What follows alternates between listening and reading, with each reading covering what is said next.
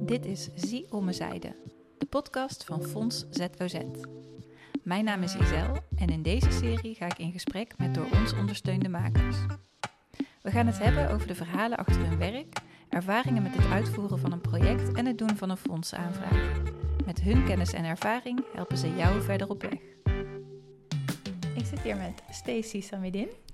Jij bent documentairfotograaf en filmmaker. En ik vond eigenlijk dat er iets heel moois op jouw eh, website stond over jouw werk. Ehm, daar stond: De kern van zijn werk is de essentie van het zien, horen en accepteren van een mens, zonder vooroordelen en oordelen. Het documenteren van het leven van minderheden, onderdrukte en mensen met een onorthodoxe levensstijl over de hele wereld. Klopt. Ja, mooi. Hoe, hoe kom je bij dit, uh, bij dit thema als maker? Um, ja, het werk wat ik maak, dat gaat eigenlijk allemaal over mijzelf. Uh, fotografie of beeld maken in ieder geval nu. Dat heeft mij altijd geholpen, is bijna mijn opvoeding geweest. Bijna mijn redding geweest. Omdat ik uit een hele ja, gesloten community oorspronkelijk kom. Wat ook mijn grootste inspiratie is geworden voor dat onorthodoxe, zeg maar. Ja, het doorbreken van dat vermeende stereotype beeld van mensen en identiteit, dat is altijd in mij gebleven. Want wat was die community waar je uitkwam? Ja, dat was uh, eigenlijk mijn familie. Uh, niet alleen bloedverwanten, maar ook uh, hele goede vrienden die ik als familie zie. Daarbij ben, ben ik opgegroeid. Dat was eigenlijk een wereld binnen de wereld van het hedendaagse. En dat is wat ik op dit moment nog steeds probeer te vinden. En, en de verhalen uit. Ja, van die, die ongehoorde mensen. Zeg maar mensen die ook zoveel nieuwe normen en waarden kunnen brengen. Waar wij heel veel van kunnen leren. Ja, die, dat probeer ik allemaal te verzamelen. En waar is de, de liefde voor die fotografie en het filmmaken? Hoe is het ontstaan? Zeg maar? Hoe ben je begonnen? Ja. ja, op mijn negentiende kwam ik eigenlijk in een groep. Was mijn eerste kennismaking ook met de stad Rotterdam, echt het centrum. Dat heette toen uh, Rotterdam Jongeren Hoofdstad van Europa. 2009 was dat.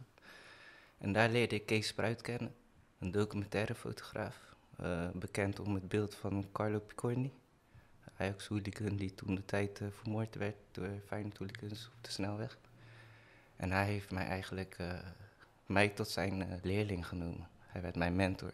Niet alleen in het maken van documentaires in fotografie, maar ook in het leven. Hij liet mij eigenlijk werelden zien die buiten mijn eigen vaste community kwamen. En wat waren toen de eerste foto's die je hebt gemaakt? Waar, waarvan was dat? De eerste waren, ging over Moluks in Nederland. En niet zozeer waar zij vandaan kwamen, maar wie zij waren op dat moment in het uh, nu. Toen de tijd 2010, 2011, 12. Uh, en de eerste drie soorten gangs die ik volgde in Rotterdam. Een, een groep, een bende die criminele activiteiten begaat. Maar ik fotografeer juist het vele bredere ervan. En hoe, hoe krijg je toegang tot zo'n... Want ik kan me voorstellen dat niet iedereen er dan op zit te wachten... dat er iemand foto's van, uh, van maakt. Ja, eigenlijk is die, het soort fotograferen of beeldmaken... is voor mij uh, niet heel erg van belang. Het gaat eerder om uh, die 90%, dat, dat, dat communiceren met elkaar. Vertrouwen winnen. En hoe win ik die vertrouwen inderdaad? En dat is eigenlijk mensen als mensen te kunnen benaderen. En als die intentie er ook is om echt te kunnen leren van iemand hoe mooi die eigenlijk is, ja, dan is dat altijd een hele positieve welkom of een uh, aankomst als uh, maker. En die 10% is natuurlijk uh, dat hele even focussen. Mooi beeld. Zo. Ja, waar iedereen blij van wordt. Ja, want hoe vang je dat dan? Hoe kies jij jouw ja. moment? Uh... Ja, eigenlijk als ik mag eten bij iemand, dan heb ik die 100% vertrouwen gekregen. En dan voel ik mij ook op mijn gemak om uh, beeld te maken. Want ik zeg, ik ben niet echt als uh, fotograaf geboren. Of het, het is een middel voor mij om te kunnen praten, wat vroeger niet kon. En als je foto's maakt, probeer je dan het, echte te vangen of probeer je er ook een beetje jouw... Nee, het echte. Kijk, het stukje mij zit in het onderwerp. Ik doe die onorthodox. Uh, soms zijn het bendes, maar soms zijn het ook uh, tien oma's die bij elkaar zitten die op een donderdag een rode hoed dragen. Zo breed is het nu, zeg maar. Maar het zijn nog steeds soorten groepen of communities die gesloten zijn. En dat staat heel dicht bij mij. En wat is jouw eerste stap dan als je zo'n uh, zo'n groep wil benaderen eigenlijk?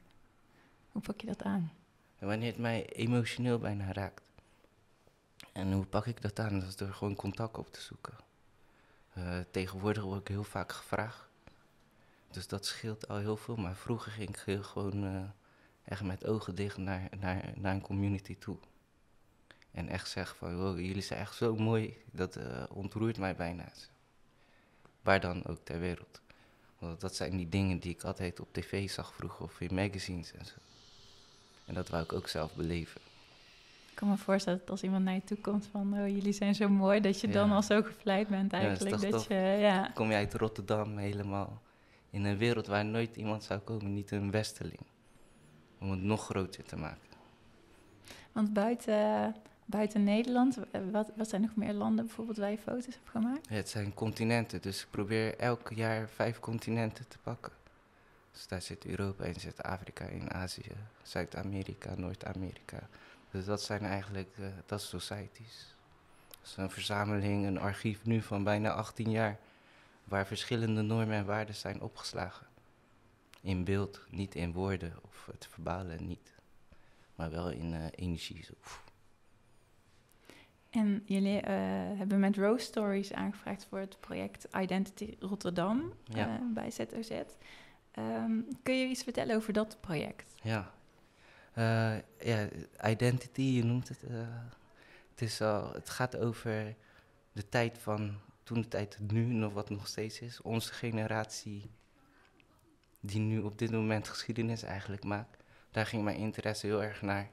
Wie zijn deze jongeren en waar komen wij eigenlijk vandaan? Dus ook weer een soort van interesse in mezelf, maar geuit in drie hele mooie mensen zij Selim, Darling en André. Alle drie met een verschillende etnische afkomsten. Uh, en wat heel interessant maakt, dat zij alle drie hun culturele achtergrond gebruiken, maar nooit op papier hebben gezien, letterlijk op feiten hebben gezocht eigenlijk. Dus het waren altijd verhalen die door ouders of uh, voorouders werden doorverteld, maar nooit op papier hebben onderzocht waar ze echt vandaan kwamen. Dat hebben we dus gedaan met die drie mooie mensen. Want die hebben allemaal ook een DNA- eh, of DNA-test DNA uh, gedaan. gedaan. ja, dat was een soort van ook een van de feitelijke punten waarop je kon zien waar je echt vandaan komt. Maar ook soms schrikwekkend natuurlijk. Uh, dingen die je niet verwacht. Ja, Wat heel logisch eigenlijk. Wat ik was. van Darlene inderdaad uh, herinner van, van het wat ik gezien heb, dat zij een beetje teleurgesteld was eigenlijk. Dat zij zoveel meer Europees was dan Afrikaans juist, eigenlijk. Juist. Ja. ja, dat zijn wel dingen, feiten. Maar ook weer een soort van bewustzijn van uh, de geschiedenis. Van zo, joh, het is wel echt gebeurd. Het zijn niet zomaar even leuzen die tot de dag van vandaag allemaal benadrukt worden. Ja, ze, we hebben allemaal zoveel verschillende oorsprongen en wortels. En, uh, het is gewoon interessant hoe wij als kinderen hier nu eindelijk mogen praten en over na kunnen denken en kunnen uitvoeren. Ja, dus echt de mensen die eerder niet gehoord werden een stem geven. Maar Juist. in deze film ook letterlijk een stem natuurlijk. en normaal in de foto's zonder stem, maar toch het verhaal naar buiten brengen. Ja. En kun je nog, en wat was een heel mooi moment in het maakproces van Identity? Het mooie is dat zij er bewust over gaan nadenken. En dat zet mij, ik, ik herken heel veel dingen in. Dus in dat proces was iedereen bezig met die research.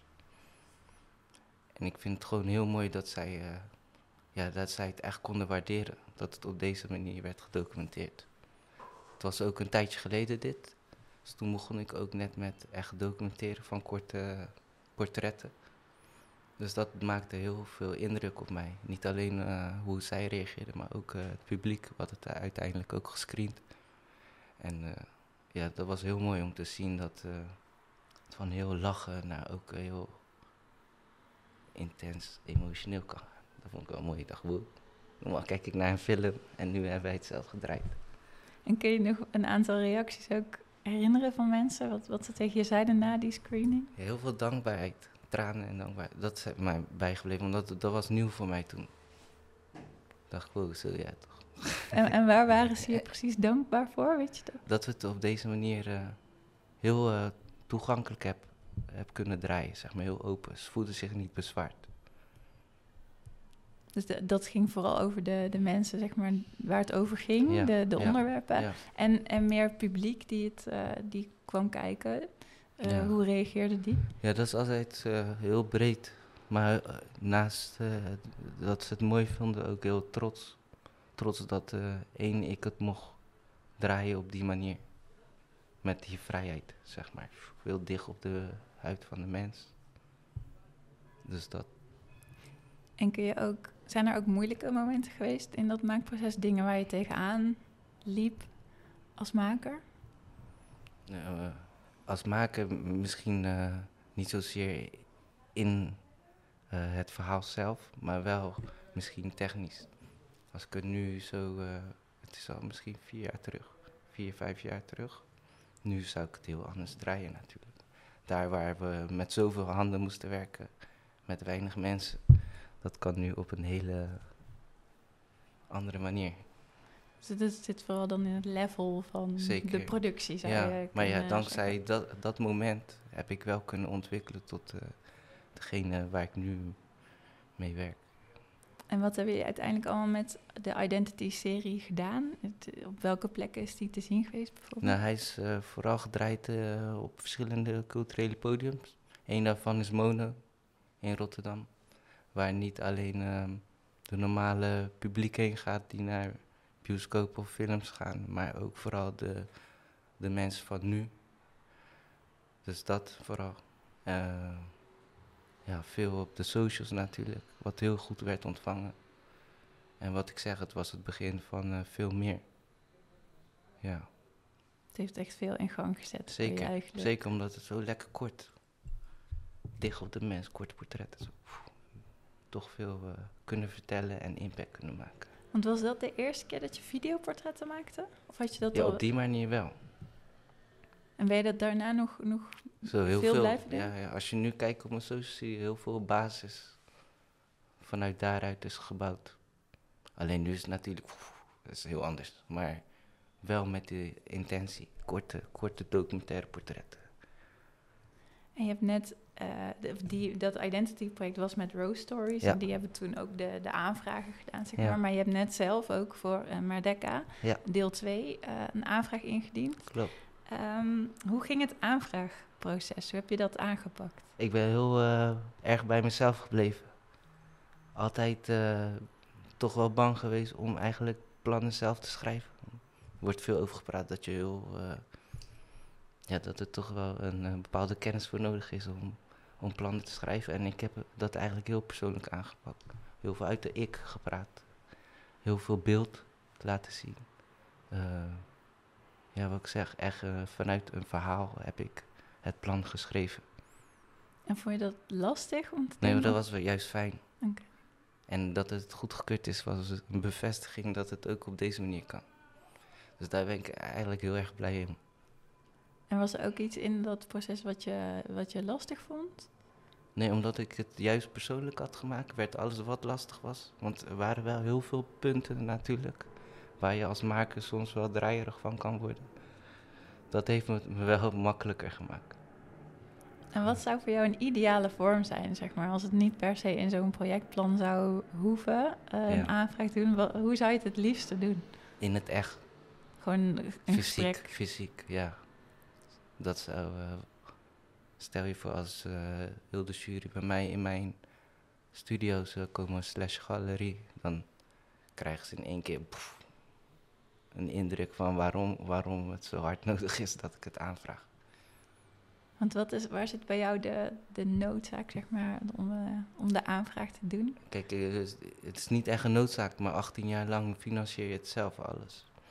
En uh, nu bestaan, is er de openheid om ook aan te kunnen vragen. En dat wordt ondersteund. Dat was, voorheen was dat minder zichtbaar, zeg maar. Dus uh, dat helpt heel erg. Ik heb ook uh, familie, twee kinderen, een vrouw. Dus naast eh, al het commerciële werk wat gestopt wordt in eh, dat vrije documentaire werk. Dat zou wel een eh, hand helpen. Ja. En kun je wat vertellen over het project Merdeka? Ja. Want het is begonnen met een, een eh, opdracht vanuit het Wereldmuseum. Ja, toen ging het eh, over eh, het Nederlands dossier Indië. Eh, wat altijd gaat tot, tot de tijd van onafhankelijkheid, eigenlijk, van Indonesië. En ik heb het doorgetrokken tot de tijd van nu. Omdat de nazaten en de mensen die nog steeds leven, van de eerste tot en met de generatie van nu, sommigen daar nog steeds verhalen over hebben of daarmee over zitten. En dat zelfs in realiteit ook eh, uiten. En dat brengt het voor mij heel interessant dat ik toen de tijd niet alleen mij beperkt heb tot Nederland, maar eigenlijk terug ben gegaan naar alle eilanden waar Nederland voor het eerst aanvaarde. En dat als nieuwe mix, archipel, inwoner. Ik als mix uh, Sumatranese, Javaans, Molux.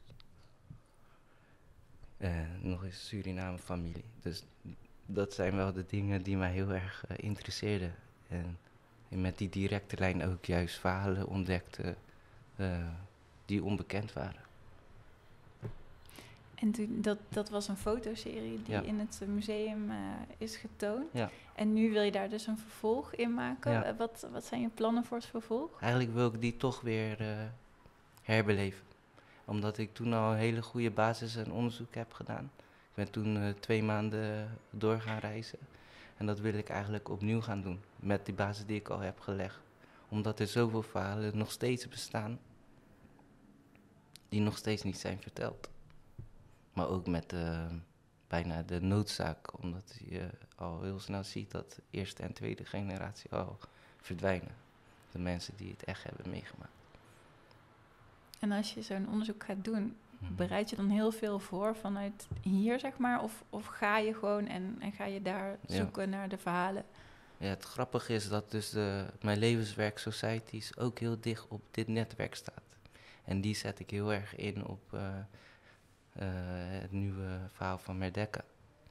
Dus dat helpt me heel erg. Ik doe heel veel onderzoek vanuit Nederland, natuurlijk. Maar het echte onderzoek begint daar pas. Dat weet je ook. Je komt in een land waar dat werkt niet zo zoals hier. Dat is gewoon heel groot. Ja, en iemand die je daar ontmoet, die heeft waarschijnlijk weer... Of die verwijst jou weer door naar iemand die je ook moet hebben. Ja, of, ja zo eh, gaat het. Echt ja. eh, een reis, onderzoek. Wel echt leuk. En wat, zou je, wat is je droom voor, voor dit eh, deel 2, zeg maar? Waar zou je het graag willen tonen bijvoorbeeld? Ja, tonen zou altijd eh, in een museum, zou ik wel echt heel mooi vinden. Ehm, Een bepaald museum waar je dan aan denkt? Huizen Marseille, Foam, Nederlands Fotomuseum. Misschien zijn dat wel de top drie van in Nederland. En heb je daar ook al gesprekken mee? Nou, niet zijn over Merdeka. Wel over andere Ja, dingen. er zijn gewoon goede gesprekken altijd. Fijn. Ja. En heb jij ehm, een gouden tip voor, eh, voor andere makers die, die aanvragen willen doen, het misschien moeilijk vinden? Hmm. Ehm, Ja, wat Ja. ik zeg, blijf echt dicht bij jezelf. Dat maakt het voor mij echt heel makkelijk. Ik hoefde eigenlijk niet na te denken. Ik hoefde eigenlijk niet na te denken aan eh, de volgende zin die zou komen. Omdat ik het echt vanuit mezelf heb geschreven. En als, als je echt zo dicht bij iets staat wat je wil maken, dan moet het ook niet zo moeilijk zijn om al die vragen te kunnen beantwoorden. dus laat een beetje los wat je denkt dat iemand wil horen van je. En, en Ja, schrijf vooral dat. de waarheid op Ja, eigenlijk. je moet sowieso, denk ik, niet werk maken als het niet zo dicht op jou zit. Maar daar verschillen heel veel makers in. Maar vanuit mijn perspectief, ik maak vooral werk omdat er een bepaalde bovenliggende gedachte of grotere waarde aan zit. En wat hoop je dat eh, mensen die Mer- Merdeka gaan zien, eh, wat hoop je dat het bij hen los gaat maken? Bewustzijn. Gewoon bewust worden van de tijd waarin wij nu leven. En hoe die tijd is ontstaan. En waar het naartoe kan gaan. Alleen maar over praten is al genoeg. Ik kom niet met een eh, politieke lading of vooroordeel. Het is voorbij dat vermeende stereotype beeld. Dus ik stel een open vraag. En dan mag je met ik wacht erop te zien. toeters en bellen beantwoorden. ja, maar wat ik zeg, ik geef jou een eerlijk en oprecht uh, vraag. En daar kan je een eerlijk en oprecht antwoord op geven. Oké, mooi, dankjewel. Alsjeblieft. Uh, ja, heel veel succes met, uh, met het maken van Mardecca. Dankjewel. En, en dankjewel voor je verhaal. Dankjewel. Fonds ZOZ zoekt en ondersteunt bijzondere verhalen in de Nederlandse samenleving. Verhalen die raken, schuren, verbinden, de wereld bevragen of je aan het denken zetten. De focus ligt op projecten die gericht zijn op het verminderen van extremisme, polarisatie en radicalisering. Ga naar www.fondszoz voor meer info en volg ons via Instagram, @fondszoz.